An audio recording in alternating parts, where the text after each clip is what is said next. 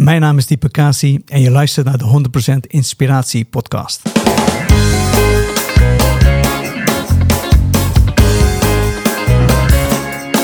Hey, wat goed dat je luistert. Hij staat weer voor je klaar. Je wekelijkse dosis inspiratie is weer daar. De allerleukste gasten geven al hun kennis prijs. Met je veel te blije host, hij praat je bij. Zijn naam is Thijs. Thijs,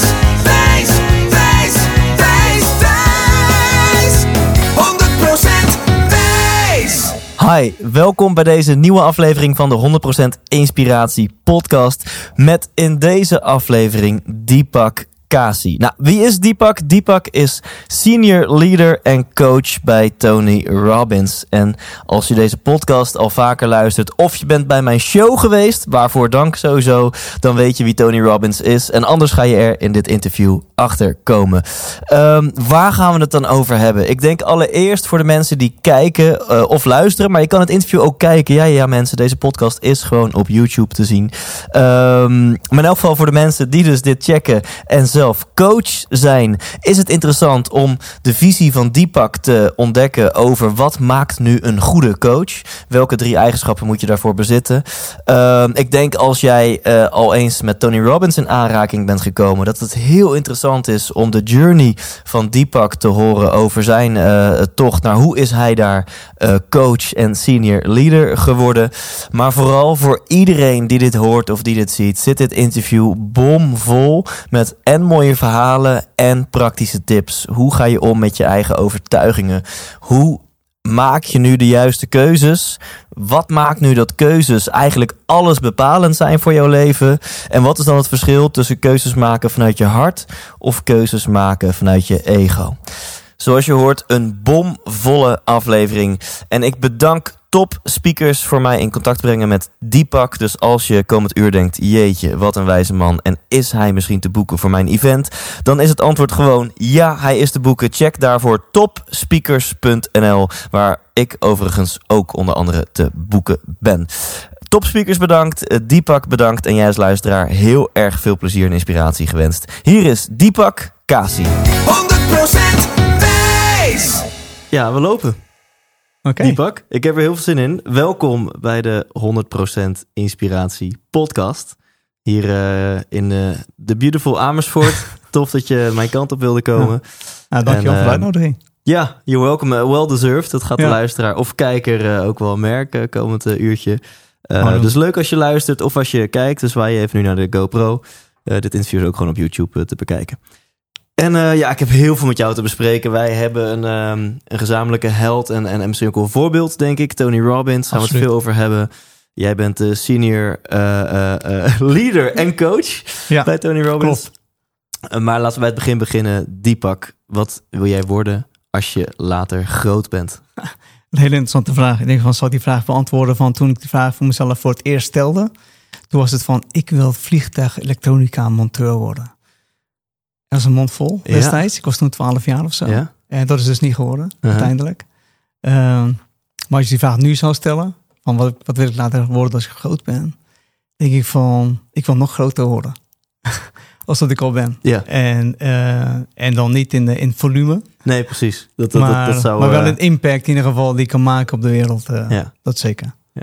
En, en een vliegtuig elektronica monteur. Ja, Ehm, ben jij een beta-mannetje? Wat ik ben, absoluut, ik ben absoluut een beta-mannetje. ik, was, eh, ik, ik hoorde toen ik 12 was of zo, toen hoorde ik van, eh, van een vriendje van mijn zus of zoiets, van eh, iets over vliegtuig elektronica. Ik dacht van, wauw, dat klinkt interessant. Dat wil ik worden. En ik heb me uiteindelijk ook wel ingeschreven op de MTS voor vliegtuigelektronica. En ik heb ook die opleiding gedaan. Eh, alleen, Afgerond ook. Ook afgerond. Ik heb alleen in de eerste jaar van die opleiding, eigenlijk in de eerste week van die opleiding, kregen wij te horen, want we hadden in de vliegtuig, sorry, in de, op, op school bij ons, hadden we een hangar in, de, in Den Haag, Ja. de Antonie Fokkerschool. Ja. En er stonden ook vliegtuigen. En wij, de jongens van Vliegtuig Elektronica, kregen te horen van jullie mogen niet aan de vliegtuigen zitten. En ik van, what the fuck? ik wil toegewerkt wat andere woorden waarschijnlijk. Ja, maar, ja, maar dat was de hele reden dat jij dit wilde doen. Precies. En een eerste week was van, ja, de jongens van vliegtuigbouw en vliegtuiginstrumententechniek, die mochten het wel doen. En de jongens van vliegtuigelektronica, die mochten niet aan de vliegtuigen zitten. Ik dacht van, nou, wat een onzin. Nou, ik denk van, ja, wat nu? Ik denk van, ja, ik ga toch maar die opleiding afmaken. En heb ik toch maar gedaan. Ja. En uiteindelijk ben ik niet in de vliegtuigindustrie gaan werken. Ja. Dus eh, ja. Dus ja, dat was het. Verhaal En ja, en jouw leven is, is iets anders eh, gelopen. Helemaal, ja. En eh, ja, misschien kunnen we gewoon meteen een jump maken naar, naar 2003, geloof ik toch? Vier. 2004. 2004, ja. En toen ben jij eh, beland bij een seminar van ene Tony Robbins. Klopt, ja. Niet wetende dat, dat, dat je mogelijk ook in de toekomst voor zijn organisatie zou gaan werken. Klopt, ja. ja. Ehm, hoe, hoe, hoe belandde jij daar? Dat was interessant. Ik, eh, in 2004, een vriend van mij, eh, Erwin, die vroeg aan mij van... Hey Deepak, jij bent zo into Tony Robbins. Tony komt naar Londen toe. Ga je mee naar een seminar van, van Tony? Ik zeg, natuurlijk. Eh, ik had niet eens gevraagd van hoeveel het kostte. Ik denk van eh 1000 euro. Oh, maakt mij niet uit, ik ga wel. Uiteindelijk had Erwin die had goede contacten. Ik had een kaartje voor 300 euro kunnen bemachtigen. Maar er naartoe gegaan, niet wetende dat die eerste dag al er een firewalk zou zijn. Ik wist helemaal niks. Ik zei van, hij vroeg, wil je meegaan? Ik zeg ja. En voor de rest, ik ga wel. Ik zie wel wat er, wat op me afkomt. Ehm, helemaal niet ingelezen over het hele event niet. En vervolgens ben ik daar. En ik krijg te horen van, we gaan vanavond gaan we een firewalk doen. Ik denk van, wat? Gaan we vandaag over vandaag? Ik dacht, misschien de laatste dag of zo. Ja, ja. En voor de duidelijkheid, een firewalk is dat je gewoon met je blote poten over gloeiend hete kolen gaat lopen. Absoluut. Ja. Dat was de bedoeling inderdaad, ja. En ik dacht van, nou, dat, dat gaat nooit lukken, weet je wel. En, en zeker niet als ik niet helemaal mee ga doen. Ja. Ik moet echt helemaal meedoen om, om het te kunnen. En ik was met een aantal mensen die ik kende en ik denk van, nou, ik, ik voel me toch niet helemaal op mijn gemak om helemaal te kunnen uiten bij die mensen Ja. die nu om me heen staan. Ja. Dus toen ben ik weggegaan. Ik zeg van, eh, jongens, eh, allemaal goed en aardig, maar ik wil hier wel vol voor gaan. En ik kan dat niet doen als ik dat met jullie doe. Dus ik ga ergens anders staan. Oh, je bent in het seminar gebleven, maar Ja, je ja. voelde gewoon, ik moet, even, ik moet bij vreemden zijn. Ik moet bij- zijn. ja, Ja. Ja, En toen heb ik dat gedaan. Ik ben toen gewoon weggegaan. Bij vreemde mensen gaan staan. Uiteindelijk heb ik eh, op die manier, zeg maar, mezelf voorbereid op die firewalk. Fantastische ervaring geweest. En eh, ja, vanaf dat moment echt zoiets van, wauw. Als dit mogelijk is, wat is dan niet nog meer mogelijk? Weet je wel? Er moet nog veel meer mogelijk kunnen, Ja. blijkbaar. Dus die metafoor, eh, hè, volgens mij dit is ook de metafoor waarvoor die firewalk bedoeld is. Dat, Mm. je, dat je denkt van, hé, maar als ik dit kan, als ik zelfs over hete kolen kan lopen, Ja, waarvan ik nooit had gedacht dat ik dat zou kunnen. ja. Wat zijn dan nog meer dingen in mijn hoofd waarvan ik denk dat ik niet kan, maar die gewoon dus wel blijken te kunnen? Klopt, ja. ja. Ja. En, eh, en, en daarmee ga je ook je eigen grenzen verleggen, continu. En dat ben ik sinds doen, sindsdien blijven doen. En, eh, en toen ook mezelf eh, tijdens die event kon je inschrijven voor de Master University Ja. van Tony. Eh, gelijk gedaan, echt een seconde over getwijfeld. Ik had wel iets van, ik had tien jaar daarvoor zijn boek al gelezen, Unlimited Power. Ja. Ehm, en toen zoiets van, ja, leuk, goed, interessant. Maar die oefeningen sloeg ik allemaal over. Oh ja. En, eh, ja, ja. was wel lekker makkelijk. zegt hij soms echt, hè, leg nu het boek weg. En dan, Ja, als je dit leest, Ja. eh, je hebt het boek niet weggelegd, leg nu het boek weg. Maar jij dacht gewoon, ik, lees leg- gewoon lekker door. Ik lees gewoon lekker door. En ik, ik snap die oefening wel. Ik snap wel wat de bedoeling is. Dat je ga gewoon door. Ja. En vervolgens eh, bij de UPW zelf moest je echt al die oefeningen doen. Ja. En toen had ik zoiets van, nou, ja, ja, ik ben blij dat ik hier gekomen ben. Heel veel geleerd. Ehm, heel veel gedaan, maar ik wil nog meer. Er is nog veel meer mogelijk. Ik ga dus nog veel meer eruit kunnen halen voor mezelf. Toen me ingeschreven voor de Master University. En dat was echt een gigantisch goede beslissing voor mijzelf. Ja. Eh, want eh, ik was toen in september was trouwens, in 2004. En in januari 2005 zat ik in Fiji voor de Life Mastery. En ik van, wauw, Fiji, yes.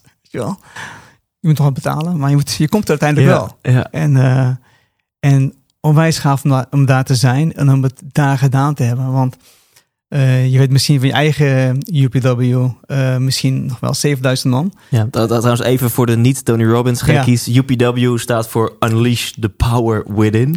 Ja, En dat is het, eh, het grootste event wat Tony doet. Die doet hij in Ja. elk geval in Europa één keer per jaar. één keer per jaar, ja. En, eh, toen ik er naartoe ging, waren er iets van 10.000 man Ja. eh, in Londen. Eh, fantastisch event. Eh, maar de Live Mastery staat toen met iets van 40 man. Dat is echt een gigantisch verschil. Ja. Weet je wel? En, eh, en ook zo'n andere event, de Welt Mastery, is ook een Ja. kleiner event. Ja. Eh, Date Destiny, gigantisch groot event ook weer. Ja. Die heb ik trouwens in Australië gedaan. Dus ik zat in, in 2005 zat ik in januari in Fiji. In april of mei zat ik in Australië, Gold Coast. En oktober 2005 zat ik in San Diego voor de Weldmaster. Ja. Nou, fantastisch. Dat was jouw jaartje wel. Maar ik kan me voorstellen dat mensen nu luisteren en denken... ja, die bak, gast, dat wil ik ook wel. Maar ik, ik heb die euro's niet, weet je wel. Waar haalt hij die euro's vandaan om eventjes... en überhaupt al jouw kaartje voor die seminars... maar ook Ja. je ticket, je hotel... Ja. Dit is gewoon even 20k geweest... wat jij er in één jaar in, eh, doorheen hebt gegooid. Eh heb nooit bij stilgestaan, maar zou, zou best wel kunnen, ja. Een jaar geld. Dat denk ik. Ja. eh. Ehm, en daarna nog meer geld, ja. Nee, ehm, ja, ik had wat geld gespaard en geld opzij gezet. En eh, ik heb al het geld gebruikt wat ik opzij had gezet. Ja, Ehm. Ik had misschien nog het geluk bij ongeluk. Oh, ik weet niet hoe ik het moet bekijken. Maar ik was net gescheiden. En, en eh, mijn ex heeft mij toen eh, uitgekocht, zeg maar, met een, een koopwoning. Oh, ja. Dus ook daar heb ik een deel van kunnen gebruiken in ieder geval. Voor. En ik had een goede baan. Dus ik, had, ik verdiende goed. Dus ik had, ja, Precies. ik kon makkelijk aan. Maar het, het was toch al jouw spaargeld in feite. Ja, ja, ja. Het hele Ja. potje wat je ergens op een spaarrekening had staan... had je ook een mooie auto van kunnen kopen. Ja. Had je, eh, weet ik veel wat van kunnen doen. En jij besloot, dit Ja. gaat 100% in mijn persoonlijke ontwikkeling. Absoluut. Ja. Ja. Heb ik gewoon voor gekozen. Zonder ook maar een idee te hebben. Want als je nu kijkt, nu ben ik actief als eh, coach en als senior leader. En, en als trainer op het gebied van persoonlijke ontwikkeling en leiderschap. Toen de tijd echt helemaal geen idee van wat ik ermee ging doen. Alleen maar puur voor mezelf. Het was puur van, ik wil mezelf ontwikkelen. Ja. Ik wil beter worden. Ik wil ontdekken wat er nog meer in mij zit. Eh, Want hoe, hoe zag jouw werkende leven eruit in die periode? ik was toen projectmanager. Ehm, ik was toen eh, actief als projectmanager van eh, projecten eh, pan-Europees gebied. Ja.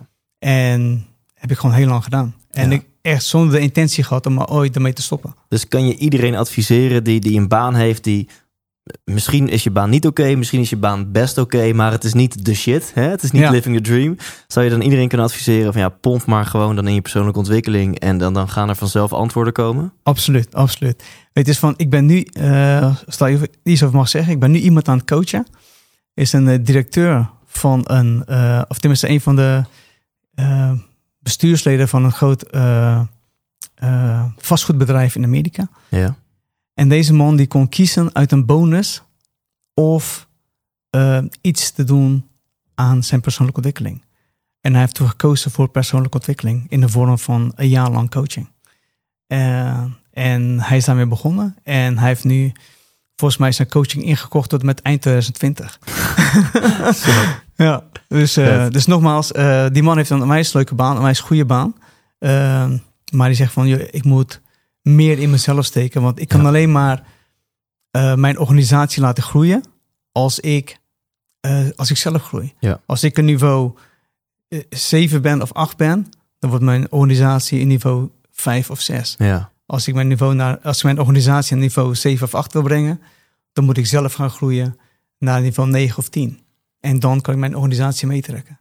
Dus dat is een bepaalde mindset die je nodig hebt. Om, Maar dit vind ik al hier, dit ervaar ik al als concrete tip. Ik heb zelf Ja. ook een business. ja, En dat je je realiseert van hé, hey, jij moet even één of twee puntjes hoger spelen. Ja. Dan dat je. En dat zit, zit wat mij betreft. En een, een soort van acceptatie in van realiseer je als leider van een bedrijf of van een team dat niet iedereen op jouw level van passie en commitment zal komen. klopt. Uh, maar als jij gewoon op die 9 of 10 zit, dan kan jouw hele team wel op een level 8 komen. Ja. Ja. dan kan je ze hiervan mee gaan trekken. Want Ja, als je zelf je blijft hangen, zeg maar, dan gaan ze zeker niet daar komen. Of, of andere mensen gaan jou inhalen. Dus eh, En eh, nou, je zei net van, eh, ehm, ja, eh, ik wist nog niet zo goed wat ik ermee wilde. Hè? Je deed Master Ja. University, al je spaargeld ging erin. Je was projectmanager. ja, hoe is dat dan bij jou eh, verder gegaan? nog, nog maar erger. Na mijn laatste event van de Master University, dacht ik van, joh, er is nog meer. Dit kan niet het eindstation zijn. Dit kon- nee, het was nog niet het eindstation. Er was ook nog de Leadership Mastery. Ja, Dus toen heb ik me daarvoor ingeschreven. Eh, en de Leadership Mastery was weer drie eh, events bijwonen. Eh, eentje die was eens in het jaar in Amerika in San Diego weer. De Leadership Mastery. Eh, sorry, Leadership Academy. En dan moest je er weer de Date with Destiny doen. Ja. Maar dan in een leadership rol. Eh, waarbij je dan zeg maar een kijkje achter de schermen eh, gaat nemen. En ook gaat analyseren wat Tony nou echt aan het doen is. Als hij Ja. een interventie doet met iemand, wat is hij dan echt aan het doen? Ja, dus je gaat niet in het event als deelnemer, als slachtoffer, gek gescherend gezegd. Maar je staat soort van naast het event en je analyseert Je gaat de leren technieken die gebeurt. Tony toepast. Ja. Precies, ja. Ja. En eh, dus dat eh, moest je ook nog een keer doen. En ook nog de Weltmastery gaan doen vanuit de leadership rol. Eh, daar is Tony dan niet bij, maar dan moet je wel gaan eh, helpen bij het event. Kijken van hoe kan je het event zo goed mogelijk laten verlopen voor Ja, de deelnemers. ja. Eh, ja, dat heeft mij ook ongeveer drie jaar in beslag genomen. Ja. Dus eh, En dus natuurlijk het feit dat je hier zo gefascineerd door was, ja. dat, dat was denk ik al een hint voor jouzelf van hé, hey, dit Ja. is hier, hier zit mogelijk een passie. Nou, er zat zeker een passie, eh, maar nog steeds niet als beroep zijnde. Ja. En eh, wat ik toen gedaan heb wel, ik ben toen begonnen met trainingen geven aan vrienden, aan kennissen en ook aan collega's. Ehm, ik weet, ik, ik organiseer, Tony heeft elke keer in het begin van het jaar, heeft hij iets van, eh, eh, zo'n soort van een doelen stellen eh, workshop. Ja. Ehm nou, het was een, een- meer een, eh, een praatje heeft hij. En Ja. dan kan je, ik heb er een workshop van gemaakt. Ja. En dat ging ik aan vrienden en collega's eh, geven. Ehm, en, en familieleden. En naderhand heb ik een, een training gemaakt van drie dagen, of drie avonden eigenlijk. eh, die ik aan mijn collega's gaf. Eh, ik werkte toen eh, in Rijswijk en in Antwerpen. En toen ben ik dat gaan doen in mijn vrije tijd, eh, zonder extra betaling, Ja. zonder een tegoedbon of wat dan Precies. ook. gewoon, gewoon gaan doen omdat ik het leuk vond. ja. En dat heb ik gewoon een paar jaar gedaan. Dit was gewoon, Deepak heeft de drang om te delen, ja, om te geven, dat ook. Sterker eh, nog. Ja. Ik denk van, eh, ik, ik kan echt, ik heb echt, ben een super slechte zanger. Weet je wel? Ik weet nog, op de middelbare school, dat toen we als we muziekles hadden, zei mijn, zei mijn muziekleraar van, Diepak, wil je alsjeblieft niet meezingen? ja, ja, ja. Dat is mijn eerste trauma misschien. maar eh, eh, ik heb wel een behoefte om gewoon echt voor een groep te staan. ja. Ik denk van als ik, eh, ik, ik kan toch geen zanger worden, dan ga ik maar voor een groep staan praten Ja. of zo, weet je wel. Dan Ja. doe ik dat maar. Enig idee wat dat is? Want dit, weet je, je zou ook kunnen zeggen, ja, voor de groep staan wil je dan zo graag aandacht, weet je wel? Is het een Ja. bepaalde bewijsdrang? Wat, wat, kan je je vinger daarop leggen? Wat in voor de groep staan eh, raakt jouw passie? Ja, ik denk dat het dat is. Aandacht, bewijsdrang, Ego? ego. Ehm, ik denk dat ze allemaal voor een deel waar zijn. Ja. Eh, en aan de andere kant, je kan die ehm, ego of bewijsdrang op verschillende manieren kan je die bewerkstelligen. En je kan het doen door hele verkeerde dingen te doen, eh, door hele negatieve dingen te doen. Ja. Of je kan het doen door positieve dingen. Ja. En ik denk dan, als ik iets kan delen met mensen waar ze zelf iets aan kunnen hebben. Kijk, voor mij ging het echt om van wat kan ik toevoegen aan hun leven? Wat Mhm. kan ik aan hun meegeven, zodat zij, ehm, zodat zij daar een voordeel van kunnen ondervinden in hun eigen leven. Ja. En eh, als ik daar aan het eind applaus voor krijg, of dat mensen denken van hé, hey, die heb goed gedaan. Ja, is alleen maar leuk. Ja. Weet je wel? Maar dat was in ieder geval wel mijn initiële doel. Ja. Zou je hem zien als 50-50? Dat 50% is dat je inderdaad eh, de drang hebt om mensen verder te helpen, Ja. om, om, om te geven. En die andere 50% is dat je ook de aandacht... Ik, ik zou niet eens weten waar die, waar die verdeling precies ligt. zou het wel eens, sorry, eh wel eens ene keer 60% aandacht kunnen zijn, andere keer 40% delen, en andere, andere Ja, keer ja. net andersom. Ja. Eh, andere keer 50-50. Het varieert een beetje, maar het is in ieder geval wel beide. Ik denk van, we hebben allemaal een stukje behoefte aan aandacht, erkenning, een stukje waardering. Ehm, en dat kun je op een leuke manier proberen te Ja. krijgen of op een hele niet leuke manier. Ja, Dus, eh, ik, ik ga er bewust op in, ook omdat ik natuurlijk zelf voor de, voor de groep sta. Ja. En eh, ik wil het ook vooral niet mooier maken dan het is. Weet je, als sommige Ja. mensen die denken, ja, maar je moet elke dag wakker worden en eh, 100% gedreven worden om iets te geven, iets te geven, iets te geven. Ja, Eh, eh, maar ik denk dat de realiteit is dat, dat bij bijna iedereen die iets in de spotlights doet, ja. dat gewoon een het is en dat je wil delen en wil geven, Mhm. maar er zit ook altijd een bepaalde component in. Ja, tuurlijk vind je de aandacht fijn. Natuurlijk Ja. is het fijn om, om, om die bevestiging te krijgen. En eh, denk maar niet dat Tony Robbins egoloos het podium opgaat. Anders ga je niet Ja. voor 10.000 mensen staan, zeg maar. Nou, dat is iets wat ik mij wat daar heel erg opvalt. Is van eh, heel vaak discussies, hè, zeker als je een tijdje in deze, deze wereld meeloopt, zeg maar. Dan hoor je heel vaak van, ja, als ego gedreven, ego gedreven, ego gedreven. En, John, en ik ging daar voor een deel in mee. Van ja, ja, ego is slecht, ego is slecht, moet niet doen. Weet je wel, moet niet doen. En toen dacht hij van, nou, wat een onzin. Nee, is niet waar. Is niet waar. Ego is niet slecht. Ehm, ego is alleen maar slecht als je het laat leiden. Weet je wel? Ehm, ego is een onwijs goede dienaar. Ehm, ego doet precies wat jij wilt. Maar je moet wel de juiste opdrachten geven. Dus je moet leiden vanuit je hart. En dan het ego laten leiden. Dus je, je hart is eerst. Of je gevoel is eerst. En dan komt het verstand. Ja. Als je het verstand laat leiden, dan Dus, dus hard leiden, ego laten volgen, Ja. bedoel je? Ja. Absoluut. Ja. Ja. Ehm, ik heb eh, in, mijn, in, mijn, in mijn trainingsprogramma's heb ik het erover van je hebt drie fases van ontwikkeling eigenlijk. Je eerste fase is ik spring een beetje van de hak op de tak. Hè, Thijs. Ja, maar ik, ik heb de rode... Ja. Autist Thijs heeft die rode draad gewoon nog in zijn hoofd zitten. Oké. Daar gaan we straks weer terug naartoe. Fantastisch. Ja. Eh, eerste fase van ons leven is zijn we, ze zijn bezig met overleven. Je denk maar terug aan als je een baby bent, dan kom je op de wereld en het enige wat je probeert te doen is overleven. En gelukkig heb je dan een paar ouders om je heen die je, die je lief hebben en je helpen en je verzorgen. En zodat je in ieder geval steeds meer voor jezelf gaat zorgen. En dan gaat je dus steeds minder energie kosten om voor jezelf te zorgen. Ehm, vervolgens komen we in de volgende fase terecht. En dat gebeurt eigenlijk heel snel. Binnen de eerste paar maanden al komen we in de fase van presteren. Want als jij je eerste woordje zegt, de eerste stapje zet, weet je wel, dan word je al beloond. Of krijg je in ieder geval een stukje waardering. Ja. Eh, van wauw, fantastisch, goed gedaan. Nog eentje en nog dit en nog dat. Ehm, maar dat gaat door op school. En het gaat door op ons werk. Eh, het gaat ons hele leven met ons door. Dus we gaan van overleven naar presteren. En dan merken we van dat, hey, dat presteren, dat is eigenlijk best wel goed. Want elke keer als ik presteer, dan krijg je daar iets voor terug. Ja. Het is net alsof je ja, een, een hond die voor een st- Ja, ja. stokje rent, weet je wel. Nou, oh, een stukje beloning krijg je dan. En, en vroeger was het een snoepje, letterlijk. Precies. Maar nog steeds krijgen we een snoepje. Nog steeds krijg je een snoepje. Ja. En dan denk je van, ja, nu zijn we er wel.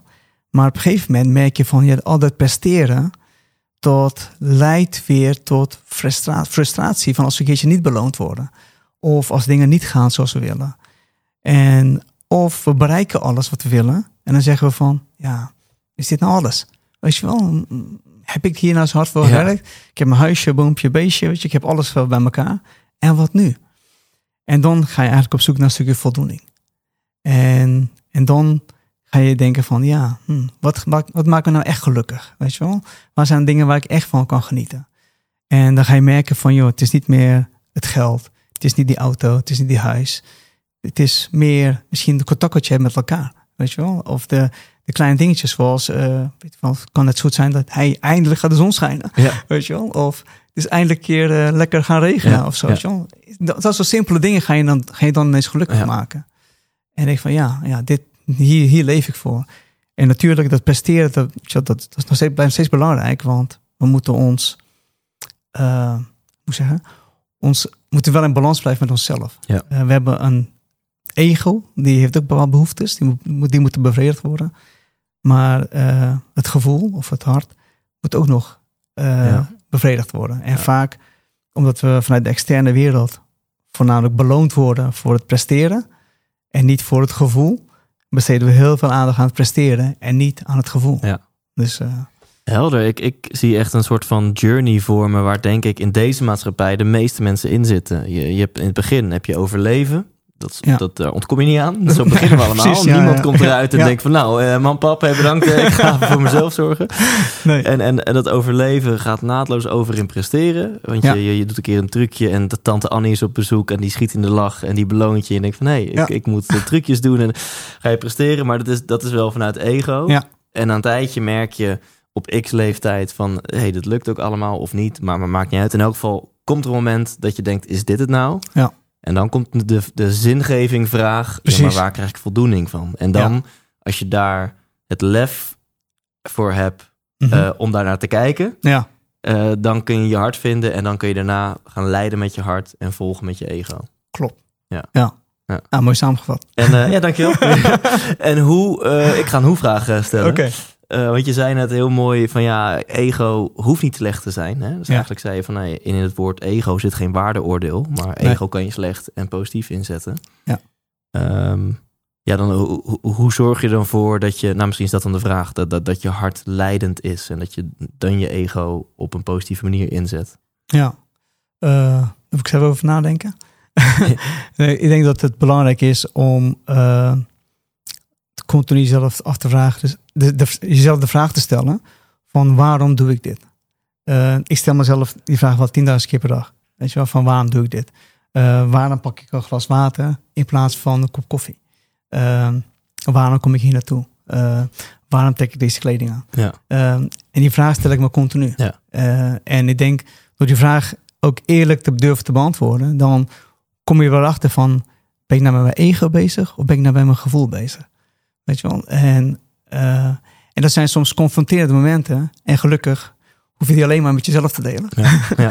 Eh, maar het zijn wel confronterende momenten. Ja. Maar je moet jezelf wel de vraag durven stellen van waarom doe ik dit eigenlijk? Ja. En eh, door bewust te worden van waarom je doet wa- eh, wat je doet, kan je er wel daar verandering in aan gaan brengen Ja. van als, het- als het nodig is. Weet je wel? Ehm, en dit is denk ik een mooi linkje voor, voor later dit interview. We gaan het hebben over keuzes Ja. maken. Hè? Want eh, lieve mensen, keuzes die moet je maken. Je kan niet niet kiezen. en eh, eh, dat is ook een keuze. En dat heeft altijd. altijd. een consequentie. Ja. Ehm, terug naar, naar jouw life story. Want je, je gaf aan van, nou, ik, je, je verzamelde gewoon slachtoffers. Hè? Vrienden, Hm. familie, collega's. Ja. Ga in een zaal zitten en Deepak Klopt. komt met een training over New Year resolutions. Of waarom goede voornemens Ja. niet werken. En hoe je wel duurzame doelen stelt. Precies. Ja. Denk, en, en dat deed je een paar jaar lang. Hoe, hoe Ja. is het? eh, eh, want ik, ik ga hier expres op in, want het is gewoon een heel mooi praktijkvoorbeeld van iemand die ja. een baan heeft, projectmanager, Ja. eh, en daarnaast iets, iets voelt borrelen en nog zoekende is in, in hoe maak je daar dan iets Ja. concreets van. Nee, Dus hoe ging dat verder? Nee, ik ben toen, eh, ik heb het gewoon jarenlang gedaan. Eh, eh, nou, toen nog als eh, werknemer werkte, heb ik dat elk jaar gedaan. en vervolgens ben ik eh, als zelfstandig begonnen. begonnen. Ik denk nu in 2012 was dat. Ja. Ben ik voor mezelf begonnen. Ook als projectmanager. Als projectmanagement consultant noemde ik me dan. Eh het klonk gewoon veel mooier. Ja, en dat, dat, dat Ego. rechtvaardigt je uurtarief iets beter, Precies. die titel. Ja. Ja, ja, ja. En, ehm, en toen ben ik begonnen als, als projectman, projectmanagement consultant. En eh, ja, toen kwam ik in een soort van een comfortzone terecht. Want ik had een onwijs mooi uurtarief. Eh, dus ja, ik, ik kan echt... Ik hoefde niet meer op te letten van hoe ik mijn geld uitgaf. Echt letterlijk niet meer nadenken. En ik heb ook letterlijk heel veel geld verloren. Ik heb ook geld geïnvesteerd in dingen die, waarvan ik ook nog hoop dat het zich terug gaat betalen. Eh, echt heel veel geld.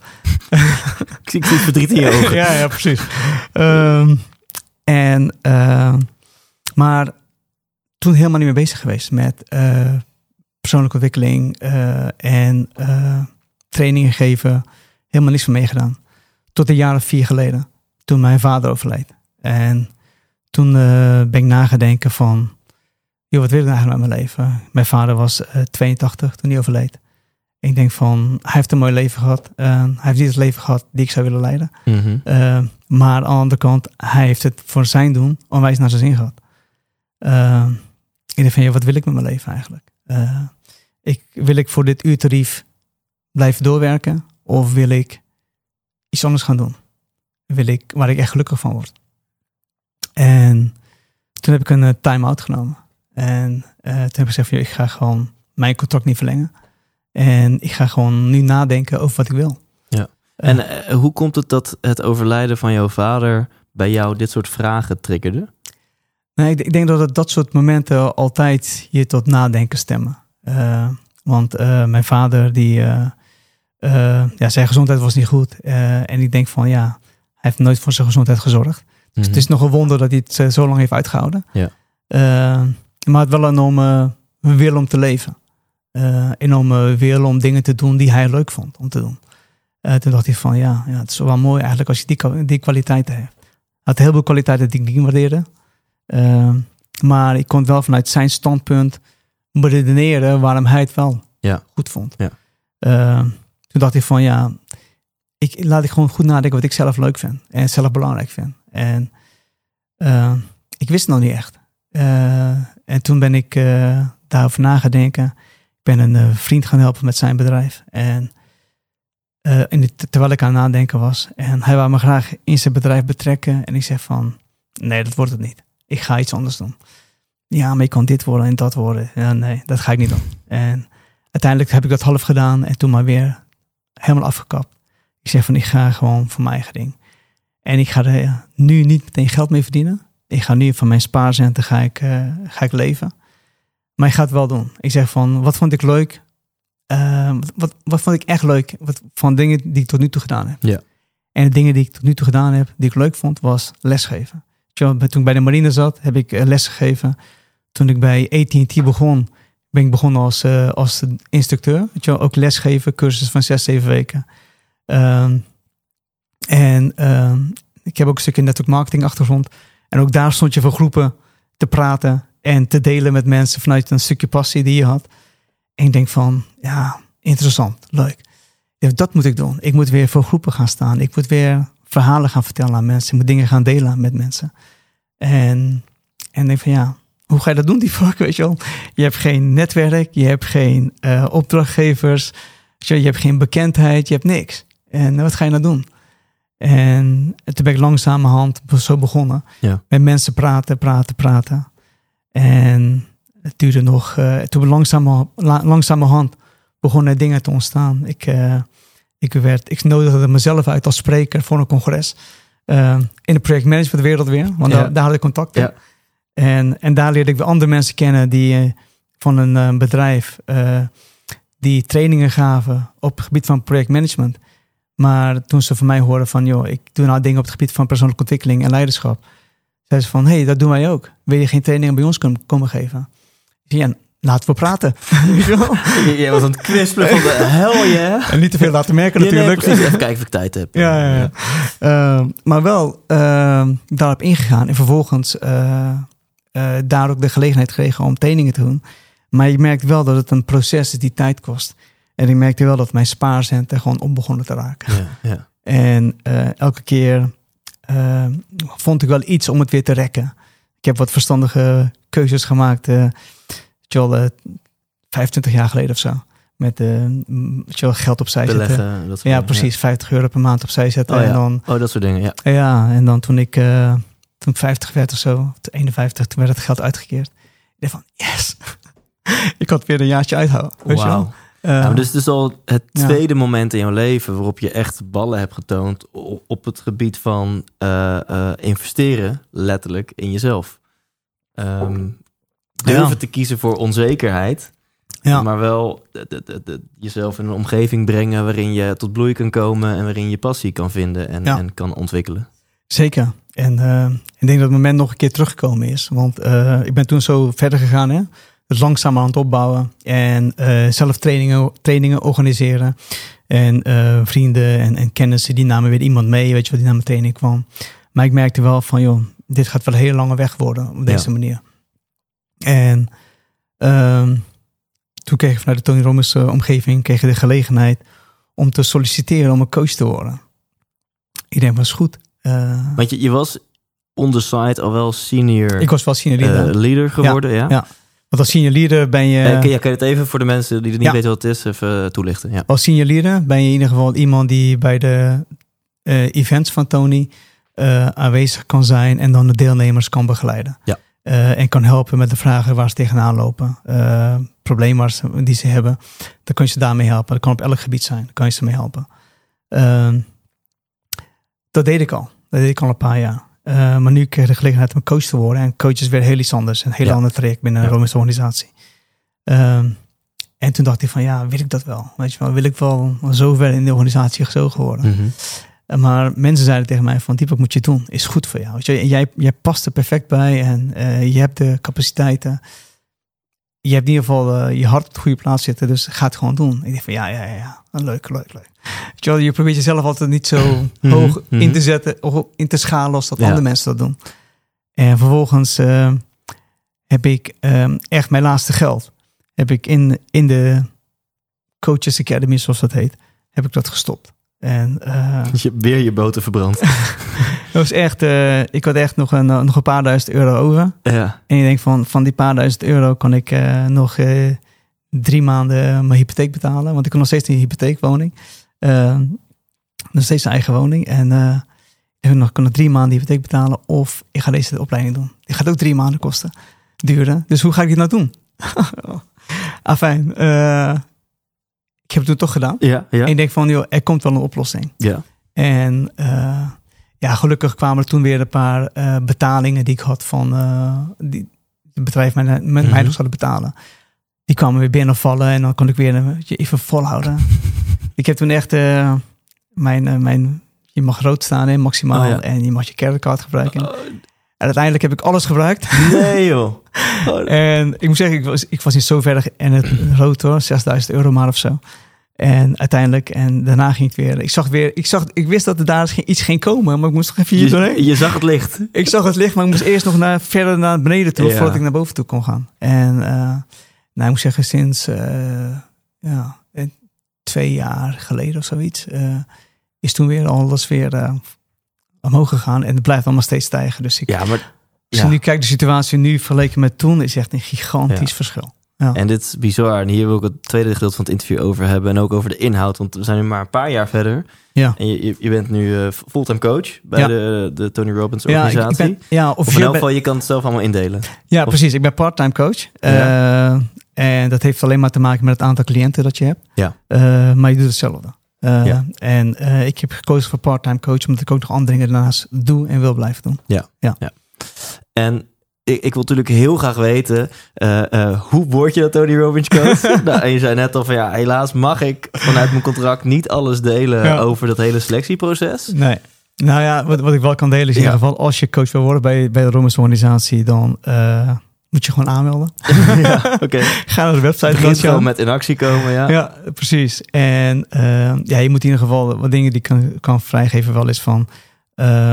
je moet in ieder geval wat coachingservaring hebben. Ja. Dus ik, ik, ik coach al wat mensen en dat helpt in ieder geval Ja.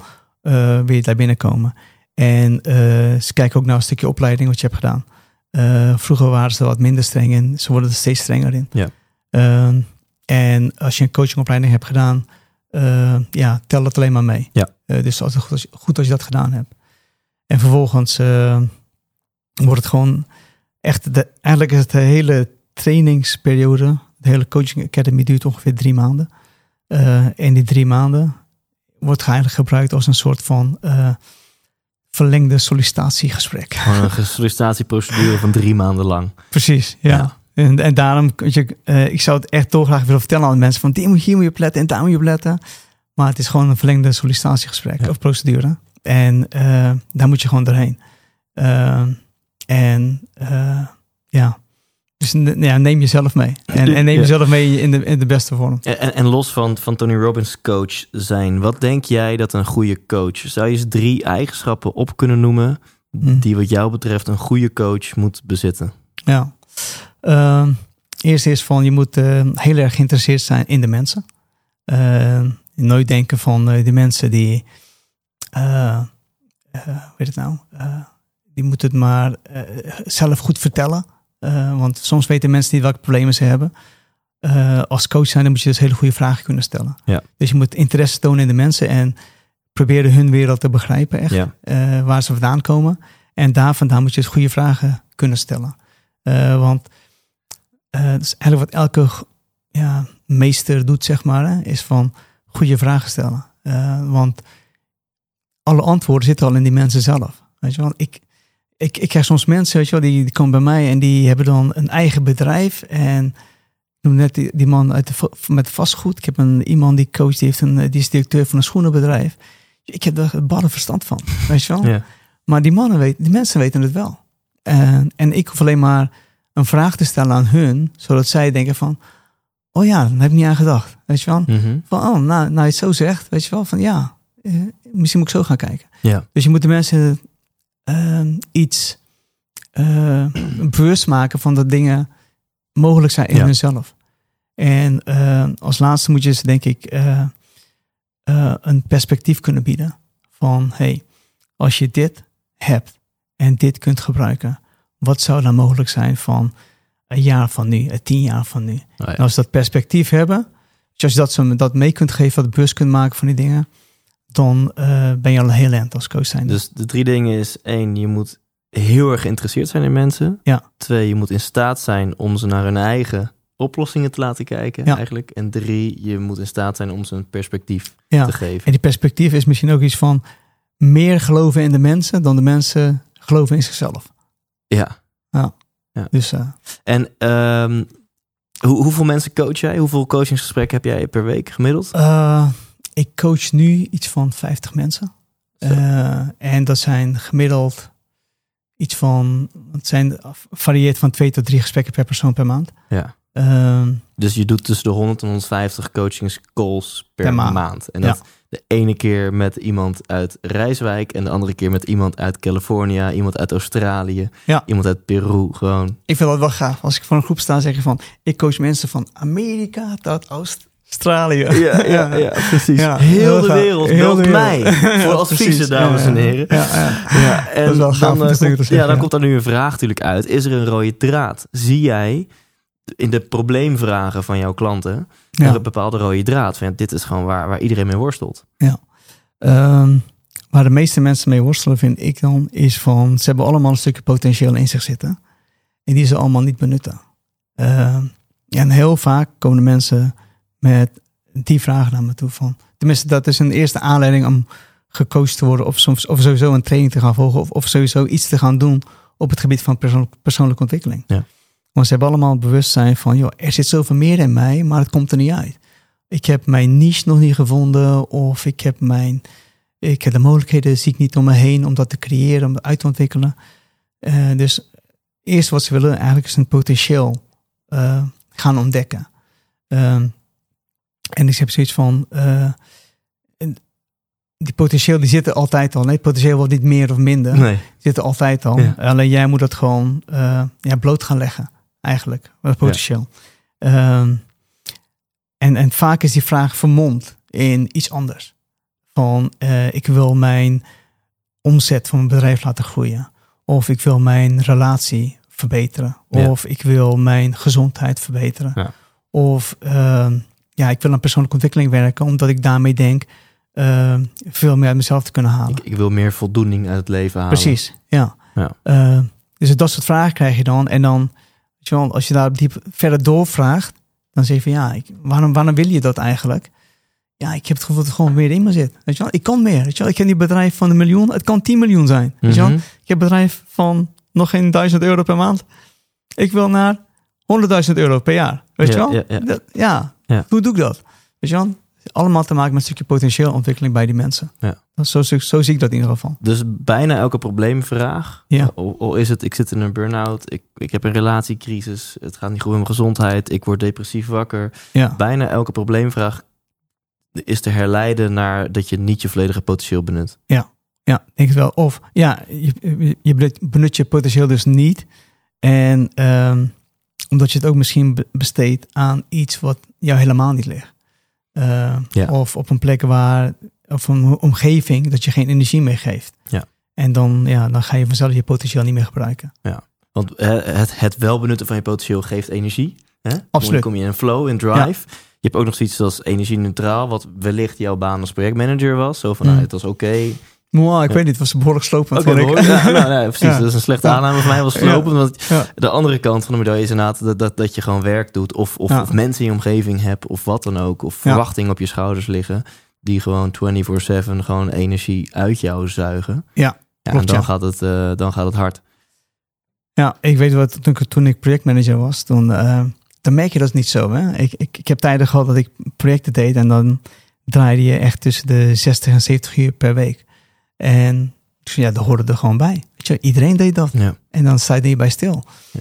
En pas als je eruit stapt, ga je terugkijken.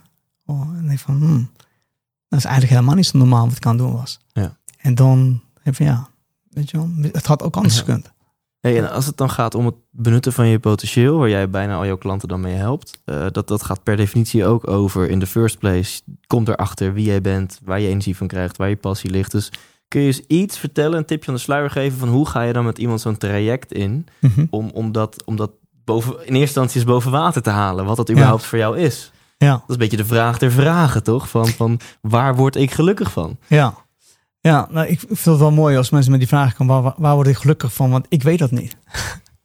ik kan die vraag niet voor ze Nee. beantwoorden. Maar ik kan ze wel helpen om die antwoorden in zichzelf te vinden. Dus ehm, ik heb, eh, als mensen met die vraag naar mij toe komen, dan sla ik bijna dicht. Want ik denk precies van ja, ik, ik heb die antwoorden niet. Weet je wel, Mhm. heel vaak komen mensen naar coaching of naar een training toe. Die zeggen van als ik daar geweest ben, dan krijg ik alle antwoorden. Ja.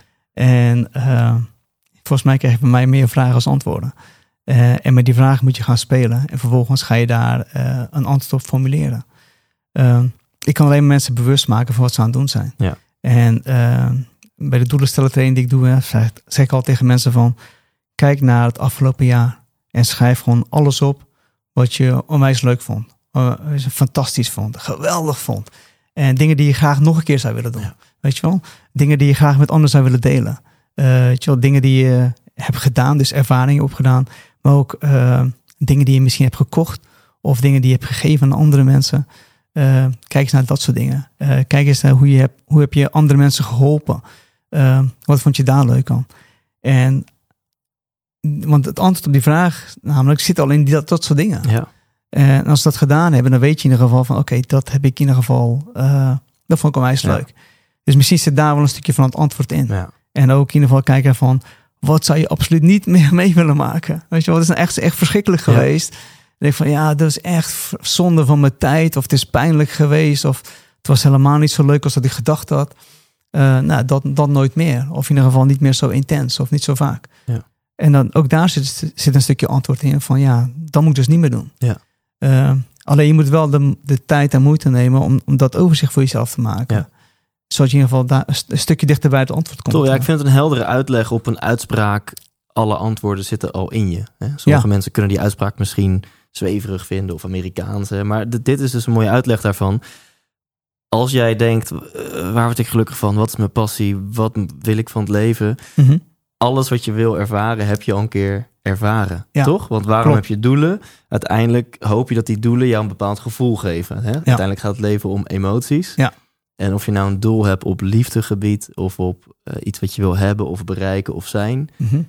Uiteindelijk leidt dat naar een gevoel. En dat Ja. gevoel heb je in het verleden al een keer ervaren. Toch? Klopt, ja. En Ja, dan zou een oefening kunnen zijn. Ga dus gewoon eens terug naar afgelopen jaar of gewoon afgelopen leven. Precies. Wat zijn momenten waarop jij dus ervaarde wat je wil ervaren? Pak maar een tijdsperiode, dat maakt niet zoveel uit. Ja. Ik heb ook altijd mensen die zeggen van ik wil dit doel bereiken.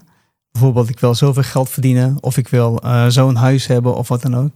Dus van waarom wil je dat? Nou, daar en daarvoor. Ik zeg van, ja, maar hoe ga je er nou bij voelen als je dat hebt? Ja, Weet je wel? Want uiteindelijk, het gevoel gaat leidend zijn. Als, als je daar niet echt enthousiast van kan worden, dan is de kans heel klein dat je het gaat bereiken. ook. Ja. Dus eh, dat is heel belangrijk, het gevoel. dus dit zou een van de oefeningen kunnen zijn die jij jouw klanten meegeeft als ze naar jou toe komen met Deepak. Eh Deepak, ik heb geld aan jou overgemaakt. Waar word ik gelukkig van? Ik kan je vertellen waar ik gelukkig van word. ja, precies. Dan dan Ja. zou dit een oefening, maar kun je er nog iets meer Ja. over vertellen? Want dit zou dan oké, een eerste stap kunnen zijn van nou, eh, Ja. gewoon echt een concrete oefening. Schrijf eens op, afgelopen twaalf maanden, wanneer voelde jij je het fijnst? Ja, Eh, maar uiteindelijk is het denk ik een heel traject om, om bij dat gevoel te komen en om te ontdekken waar je gelukkig van wordt. Mm, het hoeft niet een heel traject te zijn. Dat is, eh weet je wel, eh, ik ben naar Tony geweest, ik ook. En Mhm. eh, we weten in ieder geval van dat soms het moment van bewustzijn, hè, het moment van realisatie van, joh, ja, dat is het. Dan is al voldoende vaak voor mensen om heel die omslag te Ja. maken. Ehm, en dan hoef je niet een heleboel oefeningen nog eraan toe te voegen. Ehm, vaak is dat mensen blijven vasthouden aan het idee van, ja, het is niet makkelijk. Wel, mijn probleem is zo groot, eh, of mijn doel is zo groot. eh, het is zo makkelijk om daar te komen, weet je wel. Denk ik van, ja, het kan best zijn dat het een heel groot doel is. Weet je als ik een eh, miljoen wil verdienen over een jaar, dat is best wel een stap. Ja, Uh, voor mij in ieder geval. maar, eh, eh, maar er is wel een concreet pad uit te zetten daar naartoe. Ja. En je kan je druk maken om hoe je daar gaat komen. Of je gaat zeggen van, joh, ik ga gewoon de eerste stap zetten. En de volgende stap en de volgende stap. ja, maar die vind ik mooi. Je kunt je druk maken over hoe je daar gaat komen of Ja. je kunt gewoon de eerte stap zetten. Ja, En het verschil daartussen zijn je overtuigingen. Dus je Precies. ziet dat je door jouw bullshit overtuigingen niet in actie komt. klopt. Dus eh, dat is in ieder geval dus waar ik nou ook naar kijk. Ja. Misschien was dat de, de achterliggende gedachte van je vraag. Maar eh, wat zijn de overtuigingen die jou tegenhouden om te komen waar je wilt zijn? Eh, want als je eenmaal beseft in van, oh, daar wil ik zijn. Er zijn een aantal redenen waarom je daar niet bent. En een van de redenen eh, kan zijn je overtuiging die je hebt. Ja. Eh, overtu- overtuiging die je zelf hebt opgebouwd of hebt meegekregen vanuit je omgeving. Ja. Eh, kan je familie zijn, kunnen je vrienden zijn, kan je collega's zijn. Wat dan ook, maakt niet uit wie. Maar eh, of eh, het is nog nooit gebeurd hè, niemand heeft het ooit gedaan. Dus waarom zou het dan wel Ja, kunnen? ja. Dus ja, daarom die overtuigingen, daar, daar werken we heel Ja. veel aan.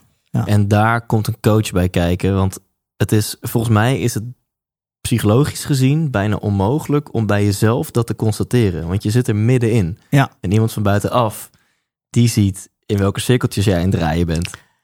Ja, wat, ik, wat ik altijd eh, verrassend vind is van, ehm, ik, ik spreek ook heel veel mensen die niet voor coaching gaan. eh, eh, of naar een training willen voor persoonlijke ontwikkeling. Ehm, en die zeggen van, ja, die heb ik allemaal niet nodig. Weet je wel, ik weet het allemaal zelf wel.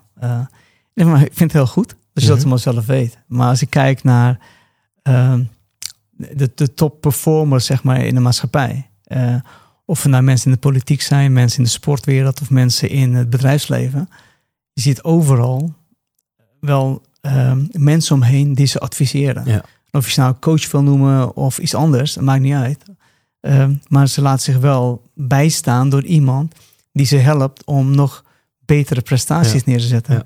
Ik kan me niet voorstellen van hoe een ehm, atleet of een, eh, een, eh, een voetbalteam bijvoorbeeld kan presteren zonder een coach.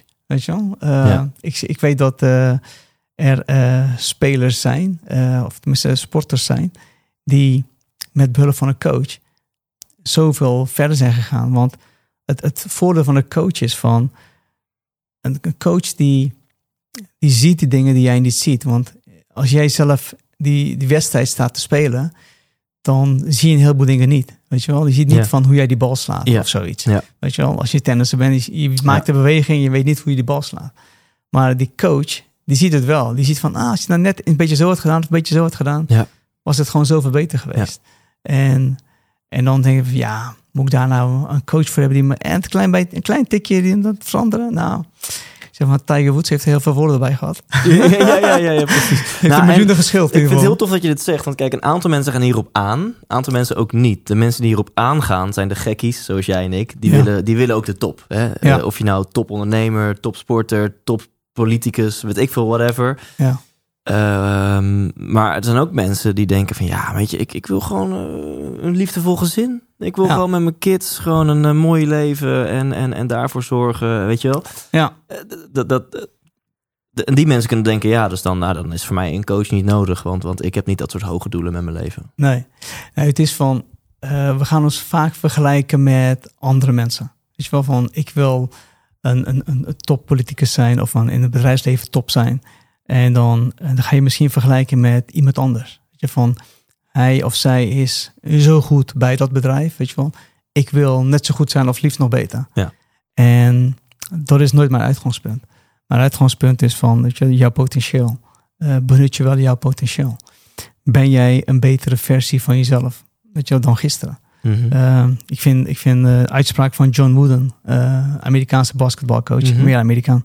Eh, maar hij is wel de enige Amerikaanse coach, of enige, enige basketbalcoach volgens mij, die eh, volgens mij 12 of 13 keer, of 11 keer, ik weet niet, iets in die aantallen, heeft hij de eh, NBA ja, eh, de NBA.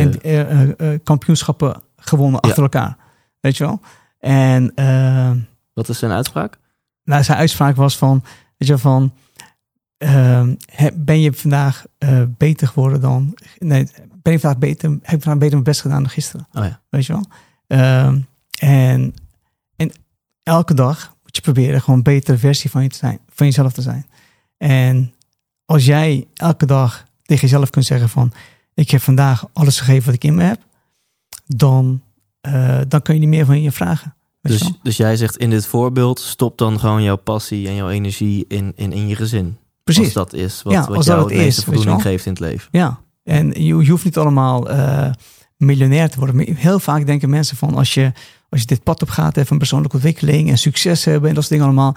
Oh, die mensen gaan voor het grote geld. Weet je wel? Ehm, dat is helemaal niet volgens mij. Volgens mij is het, het grote geld, als dat er is, is een bijkomstigheid. Ja. Weet je wel, het gaat meer om van hoeveel van je potentieel laat je zien. En des te meer jij van je potentieel laat zien, des te meer naar je toe komt ook. Ja. Het is gewoon een bepaalde... En, dan kom je op, op, op de mooie uitspraak van eh, succesvolle mensen zijn niet per definitie gelukkig, maar gelukkige mensen zijn vaak wel succesvol. Ja, Hè? op Dus zo'n mooie uitspraak. middel ondoel. Dus als jij je Ja. focust om, op gelukkig zijn, Ja, dan moet je per definitie even een cliché zijn, maar in je kracht staan, je potentie benutten. ja, En als je dat doet, dan heb je gewoon een veel krachtigere energie waarmee je in het leven staat. En is de kans groot dat je ook succes gaat realiseren. klopt. Maar één, eh, eh, eh, is dat niet meer relevant. Mhm. Want volgens mij is die endgame in het leven om je potentie te benutten. En dat jou dat voldoening geeft. Klopt, ja. Ehm, punt. Ik heb nog een paar vragen. Die mag die stellen. Tuurlijk. Ja? ja, kunnen we nog een paar minuten doorgaan? Ja. Ehm, ons had een, een korte voorbespreking en ik heb ook een mooi pdfje gekregen waar jouw hele leven op, op uitgetekend staat. Eén A4'tje. Ehm, Een A4'tje met heel veel bullets, dames en heren. Eh, eh, en laten we het eens over jouw eh, levensmotto hebben. Ik zal hem gewoon even letterlijk voorlezen. Wees bewust van de consequenties van je keuzes, want met je keuzes bepaal je de richting van je leven en uiteindelijk je lot. En Hm. volgens mij zeg je daar heel veel met weinig woorden. Hm. Hè? Wees bewust van de consequenties van je keuzes. Ja. Stel je daarmee dat uiteindelijk eigenlijk je keuzes leiden naar de kwaliteit van je leven? Ja, nou, ik denk dat wat, eh, wat, wat ik inderdaad eh, als eerste mee wil zeggen is van... eh, we gaan heel vaak heel passief door het leven. Ehm, en daarmee maak ik ook een keuze natuurlijk. Ehm, dus als jij niet nadenkt over wat je aan het doen bent. Als ik bijvoorbeeld een glas water drink. En ik denk niet na over de consequenties van een glas water drinken. ehm, ja, of juist geen water drinken. Dan heeft dat consequenties voor mij in de toekomst. Ja. Als ik elke keer, eh, noem maar, eh, eh, welke gelegenheid, op verjaardag of zo, kom daar binnen en ik pak altijd een biertje of een wijntje of wat dan ook. Of een cola of, of iets anders. Ja. Ehm, dan als het continu blijft doen, heeft dat wel consequenties op lange termijn. Ja. En daarom denk ik van, denk na over wat je aan het doen bent. Weet je wel, of nou een opleiding is die je doet, of hoe je in een gezin staat, of hoe je eh, je, je voedingskeuzes maakt. Bij alles moet je nadenken over wat je doet. Want we kunnen allemaal niet de toekomst voorspellen. Ja. Maar we kunnen wel een bepaalde richting aangeven Ja. waar het gaat eindigen. Ja. Eh, we hebben genoeg eh, statistische kennis nu. Waardoor we kunnen zeggen, als je dit en dat doet, is het mogelijk dat je daaruit gaat komen. Het is geen garantie, maar het is, wel mogelijk, is de kans groot dat je daaruit gaat very likely dat je die Precies. Ja. Ja. En, en dat probeer ik hiermee aan te geven van, je denk nou eens goed na. Want ik heb zoiets van, eh, ik vraag me af, ik, doe wel eens van die eh gedachte-exercities. eh, dan denk ik van, als eh, James Watt destijds had geweten van dat er zoveel vervuiling was geweest eh, na de uitvinding van zijn stoommachine in de wereld, weet je wel, een hele industriële revolutie is ermee begonnen. Eh, had hij dat toen nog wel gedaan? Ja. Weet je wel? ja. Eh, ik weet wel van, de, van degene die eh, de atoombom eh, heeft uitgevonden. Eh, die heeft ook nog eens gedacht van, ja, als ik gewist, geweten had dat je dit mee kon doen, dan had ik er niet mee was ik niet mee doorgegaan. Weet je wel? Dus ja, dus denk na over de consequenties van je keuzes. Want Ja. Ja, en ik vind het mooi dat je dit zegt en dat je het ook niet sexier maakt dan het is. Want dit, dit klinkt bijna als iets wat je ouders tegen je zeggen, weet je wel? Van zoon of dochter, acties hebben consequenties. Of, of denk aan de consequenties van je... dat tegen mijn kinderen. ja, ja, precies. Ja. Terwijl ehm, eh, ehm, ik denk dat, dat eh, in al mijn bescheidenheid, als ik een, een, een bug in de mens mag noemen, in gewoon Hmm. een, een, een programmeerfout in de mens, is het volgens mij dat wij veel te gevoelig zijn voor korte termijn en dat we lange termijn maar vaag vinden. ja, Terwijl zie om mij heen dat eh, en in mijn eigen leven, hoe meer je focust op korte termijn genot, ja, hoe, min, hoe lager de kwaliteit van je leven wordt. Want dan Ja. zie je gewoon op de lange termijn daar de consequenties van. Ja. En dus ook andersom. Dus je, je moet jezelf, en je reptielbrein wil natuurlijk alleen maar korte termijn, want die kent geen morgen en die wil Tuurlijk. niet eh, in de toekomst gelukkig zijn. Die wil nu overleven. precies. Ehm, dus ik, ik lul nu weer een minuut vol, ik, het resoneert heel erg. Dus, eigenlijk, ja. het is ook niet altijd sexy. Eh, je moet Nee. gewoon wel eh, eh, heel goed nadenken van hey, welke consequenties hebben de acties, de Ja. keuzes die ik nu maak.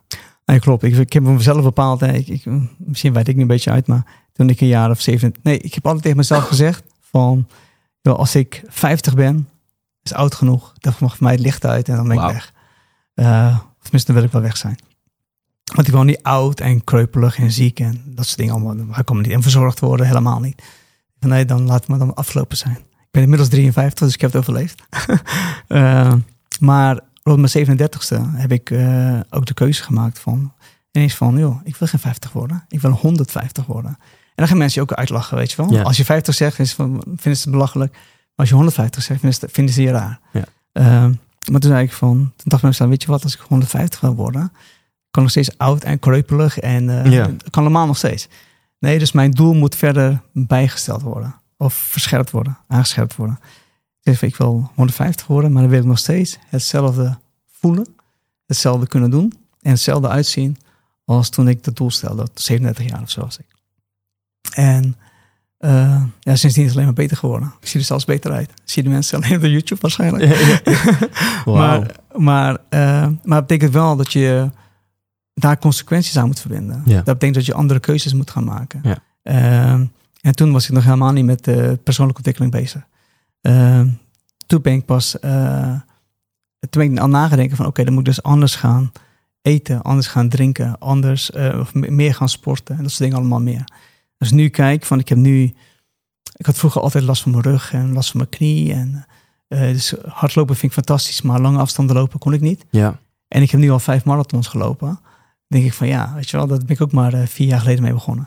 Dus denk ik van ja, eh, ja, dus het kan wel. Ja. Dus maar wel vanuit het bewustzijn van wat zijn de consequenties van mijn keuzes. En, eh, en daar moet ik eventjes aan werken. ja. Dus jij hebt, als het in elk geval gaat om gezondheid, heb je heel helder, ja, ik wil nog eh, eh, 97 jaar hier rondlopen en dan nog steeds even fit zijn als nu. 96,5 inmiddels. 96,5. Oké, ja, scherp, hè, Ja, scherp, hè. Ja. Wel smart. Ehm, dus dat heeft wat consequenties voor de drankjes en hapjes die je nuttigt. En, Klopt. en, en eh, het aantal marathons wat je loopt, bij wijze van spreken. Dus dat betekent in ieder geval wel van dat ik... Heel veel mensen zeggen, ja, dan kan je helemaal niks meer, die bak. Ja, weet je, wel, ik, ik lust nog best wel een keertje een kop koffie of zo, weet je wel. Maar ik heb gezegd, maar- want ik vind het nog wel lekker, weet je wel. Ik ben na de Life Mastery, zeg maar, op Fiji, heb ik echt een aantal keuzes gemaakt. Ik eet geen vlees meer. Mhm. Ik eet, eh, sorry, ik, ik, ik drink geen melk meer. Ja. Dus ik, dronk geen, ik dronk wel geen melk, van wat mijn koffie verkeerd. Oh ja, ik wel lekker. Ja, ja, ja, maar melkproducten helemaal uitgebannen, dat soort dingen allemaal. Maar je gaat ook consequentere keuzes maken. En je hele, hele omgeving gaat dat ineens doorhebben. En denk van, oh ja, het kan ook anders. Ja. En dan eh krijg je het ook mee. En is dit een advies wat je iedereen die dit ziet of luistert mee wil geven? Denk, eh, ja, denk wat meer na over de consequenties van je keuzes. Ja, oh, absoluut. Ik denk dat je in ieder Ja. geval altijd over dat dingen moet nadenken. Want eh, uiteindelijk betaalt, bepaalt het je lot in ieder geval. En dit, niet alles wat je overkomt, als je jezelf over 20, 30, 40 jaar zou kunnen bekijken. Weet je wel, eh, het, is niet, het is geen toeval dat je daar beland bent. Ja. Het, is, het heeft wel een reden gehad. Ja. En de reden ligt aan de, aan de keuzes die je gemaakt hebt. En eh, Deepak, is dan het leven maakbaar? Als jij zegt ja, het, het is allemaal te wijten aan de keuzes die je zelf Ja. maakt. Is het leven dan volle- volledig maakbaar? Eh, ja en nee, is een mooie antwoord. Ehm, ik denk dat je heel veel, invloed, heel veel invloed op kunt uitoefenen. Ehm, en op de dingen waar je geen invloed op kunt uitoefenen, kan je in ieder geval ervoor kiezen hoe je ermee omgaat. Eh, dus ehm, er, kunnen, er gebeuren heel veel dingen in iedereen's leven, ook in mijn leven, waar ik, eh, waar ik van denk van ja, hier kan ik echt niks mee aan doen. Ja. Maar vervolgens kan ik wel voor mezelf bepalen hoe ik ermee omga, hoe ik mezelf erbij ga voelen. Eh, hoe ik eh, ga reageren naar de mensen toe. Eh, dat is nog wel mijn keuze. Ja. En, ja, en dat is dan mijn maakbaarheid, zeg maar. Ja. Ja. Ja. En ik, ik noemde net al een, een, een kort praktijkvoorbeeld. Laten we die nu ook gewoon hier erbij pakken. ja. En eh, dit gaat niet letterlijk om dit voorbeeld, maar zeker om ook aan te geven. eh, laat ik zo zeggen, ik heb relatief makkelijk praten als ik het heb over eh, keuzes maken en maakbaarheid. Want ik heb op dit moment niet zo superveel verantwoordelijkheden. Ik heb natuurlijk een business en Ja. ik, ik, ik heb een rol als inspirator en met deze podcast en mijn shows en alles. eh dan verwachten mensen wel dat ik kom opdagen in principe. Ja. Maar geen hypotheek, ik ben vrijgezel, geen kinderen, dat soort Ja. dingen. Ehm, ehm, stel, hè, dit is, eh, laten, we, laten we Marit. Je hebt Marit, zijn vrouw van, van begin 30. Ja. En eh, eh, ze is in verwachting van de derde. Die andere twee kindjes zijn twee en vier, dus ze hebben veel aandacht nodig. En eh, ja, ze hebben niet heel veel inkomen. Haar man is acteur en die verdient net genoeg om rond te komen. Ja. Maar de man die gaat ineens vreemd met een jonge actrice. Ja. En die gaat er vandoor en ze krijgt van een een of andere instantie een uitkering waar ze eigenlijk net niet van rond kan komen. En ze Ja. moet net bevallen van de derde. Dus het is voor haar gewoon eigenlijk de komende jaren Ja. van 's ochtends zes uur tot 's avonds eh, laat alleen maar eh, overleven en zorgen voor de kids. Ho- hoe zou Marit de wetten van invloed en de maakbaarheid van het leven toe kunnen passen? Hoe kan zij haar potentie meer benutten? Hoe kan zij meer genieten en, en, Ja. en, en dat soort dingen? Het is van, we hebben altijd omstandigheden dat die niet zo prettig zijn. In, in Marit, eh dit hypothetische geval, Marit's geval is dan dat haar man dan weggaat, om wat reden dan ook. Eh, maar haar man zou haar ook kunnen ontvallen. Weet je wel, zou iets kunnen gebeuren, Ja. waardoor haar man komt overlijden. Ja. En dan is haar man ook kwijt. Ja. Weet je wel? En ook vanuit die situatie zou ze voor zichzelf moeten gaan zorgen. Ja. Ehm, en het doet me denken aan het verhaal van John Maxwell, en die kent. Eh, ook een spreker op het gebied van leiderschap.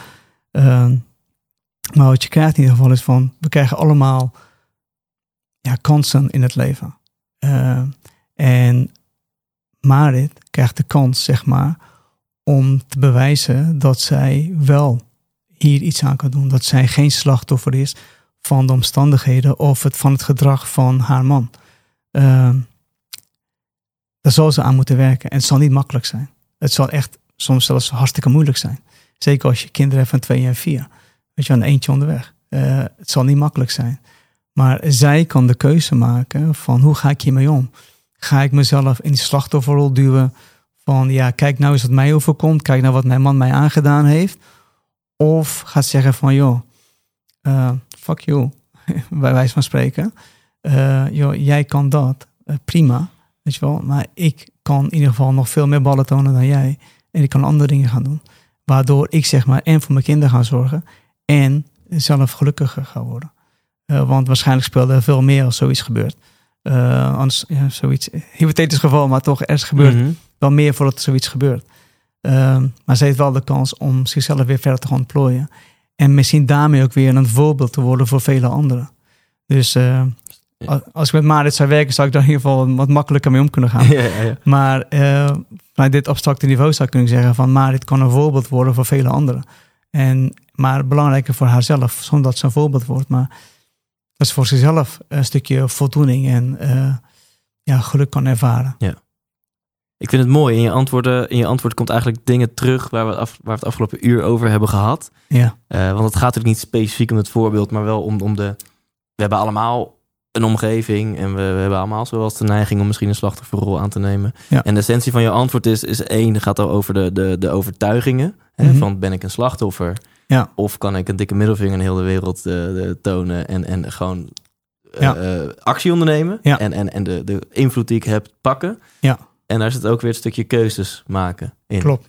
Ja. Dus, dus de keuzes die je maakt en overtuigingen die je hebt, Ja. die bepalen of je, eh, hoe je met zo'n situatie omgaat. Dus je zegt eigenlijk terug naar de baan. Wat, wat omstandigheden ook zijn, die kunnen Mhm. super kut zijn, die kan super oneerlijk zijn. Ja. Maar wat omstandigheden ook zijn, die kan Ja. altijd terug naar de basis. En Ja. dat is eh, jouw overtuigingen en jouw keuzes. Klopt, ja. Even als ik kijk naar mijn eigen ervaring met mijn. Als ik, als ik mensen vertel van eh, ik, ik ben in Suriname geboren en dan kom ik uit Suriname hier naartoe. En dan als je kijkt naar mijn leven daar zo, mijn leven hier zo. Je zegt mensen, als, als ik aan mensen vertel, van, we hadden geen elek- elektriciteit, we hadden geen stroom met water, we hadden geen, eh, we geen eh, wc zoals we dat hier hebben. Eh, dus die dingen had je allemaal niet. Als je dan, de situatie bekijkt en dan denk aan me van wat de moeder allemaal gedaan heeft, zeg maar een beetje vergelijkbaar met Marit. Niet helemaal, maar wel vergelijkbaar. Van eh, bijna geen inkomen. En dan nog ervoor zorgen dat we hier naartoe kunnen komen. En dan nog hier een bestaan kunnen opbouwen. Eh, doet wel eh, heel veel respect naar mijn moeder toe, zeg maar. Van hoe ze dat voor elkaar gekregen heeft. Om ons in ieder geval hier eh, ja, eh, op te voeden. Ja. In, een- bijna in een eentje. Ja. Dus, eh, dus Marit, eh, je kan het. Je kan het, ja, ja, en ik, ik voel dankbaarheid ook in dit voorbeeld. Absoluut. Ja, zeker. Heb je dan eh, tot slot, aan het einde van, van dit mooie gesprek, nog een, ehm, een, een, een slotboodschap voor de luisteraar of kijker? Ja, eh, wat ik altijd belangrijk vind aan mensen is van dat ze altijd eh, weer die bewustzijn. Hè? Bewustzijn is voor mij is heel belangrijk. Kijk gewoon goed naar de dingen die je aan het doen bent. En eh, evalueer dat ook eh, voor jezelf. Eh, en kijk ernaar van, hmm, is dit leuk wat ik aan het doen ben of niet? En, en als het leuk is, je, blijf het dan vooral doen. Als je daar gelukkig van wordt, geeft je voldoening. En, weet je wel, het, geeft, het voldoet aan heel veel van je behoeftes. Blijf het dan gewoon doen. Weet je, dan waarschijnlijk ben je een van de mensen die dat te pakken heeft. dat gevonden heeft, Ja. zeg maar. Maar ben je niet een van die mensen? Wees, wees dan, heb dan de moed, zeg maar, om dan de verandering aan te brengen. En daarmee zeg ik niet van, joh, eh, stap hals over kop op en ga iets anders doen en verbrand eh, alles achter je. Ik ben er geen, ik ben, je, burn your boats. Ik ben er geen voorstander van. Eh, ik, ik, ik predik dat nooit aan niemand. Eh, ik denk dat je altijd goed is om in ieder geval contacten en relaties gewoon in stand te houden. Ehm, maar ga wel kijken van, joh, wat, is een, wat zou een weg kunnen zijn naar dat leukere leven toe? En ga dat voor jezelf uitstippelen en, eh, en aan werken. Want eh, het gaat niet vanzelf gebeuren. Nee. Je zal wel moeten werken. En het zal niet altijd leuk zijn, maar uiteindelijk, als je dat bent, ga je ervan genieten. Nee, dat is niet leuk. Ja, je moet uit je comfortzone. En ja, je moet er hard voor werken. Absoluut. Maar eh, dat is het allemaal honderdduizend keer waard. Absoluut. Want je grade je leven gewoon enorm eh, up. Dat is het. Helemaal. Thanks. Box, Deepak. Box.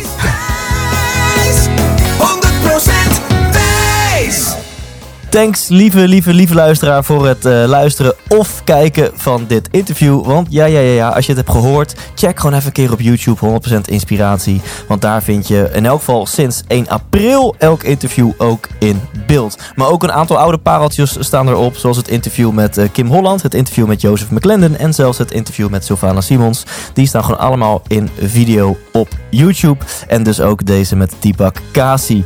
Eh Deepak, ontzettend bedankt voor jouw tijd. Tof dat wij eh, hier in Amersfoort een eh, uur hebben gebabbeld over eh, dit machtig mooie onderwerp. Persoonlijke ontwikkeling, persoonlijk leiderschap. Topspeakers bedankt voor mij in contact brengen met Deepak Kasi. Wil je Deepak boeken als spreker? Dan kan dat gewoon en check daarvoor topspeakers.nl. Check trouwens sowieso even die website, want ik ben daar onder andere ook te boeken als spreker. Dus bedankt Top Speakers. En voor jou als luisteraar, ik hoop dat je hier mega veel aan hebt gehad. Ben je trouwens bij mijn tour geweest de afgelopen week? Ik stuit er nog na. Super tof dat je erbij was. Van, eh, van Antwerpen tot Hendrik Ido Ambacht, tot Valkenswaard, Almelo en Houten. En ehm, hopelijk tot een volgende keer bij een van mijn shows. En anders gewoon volgende week in deze podcast. Leef intens.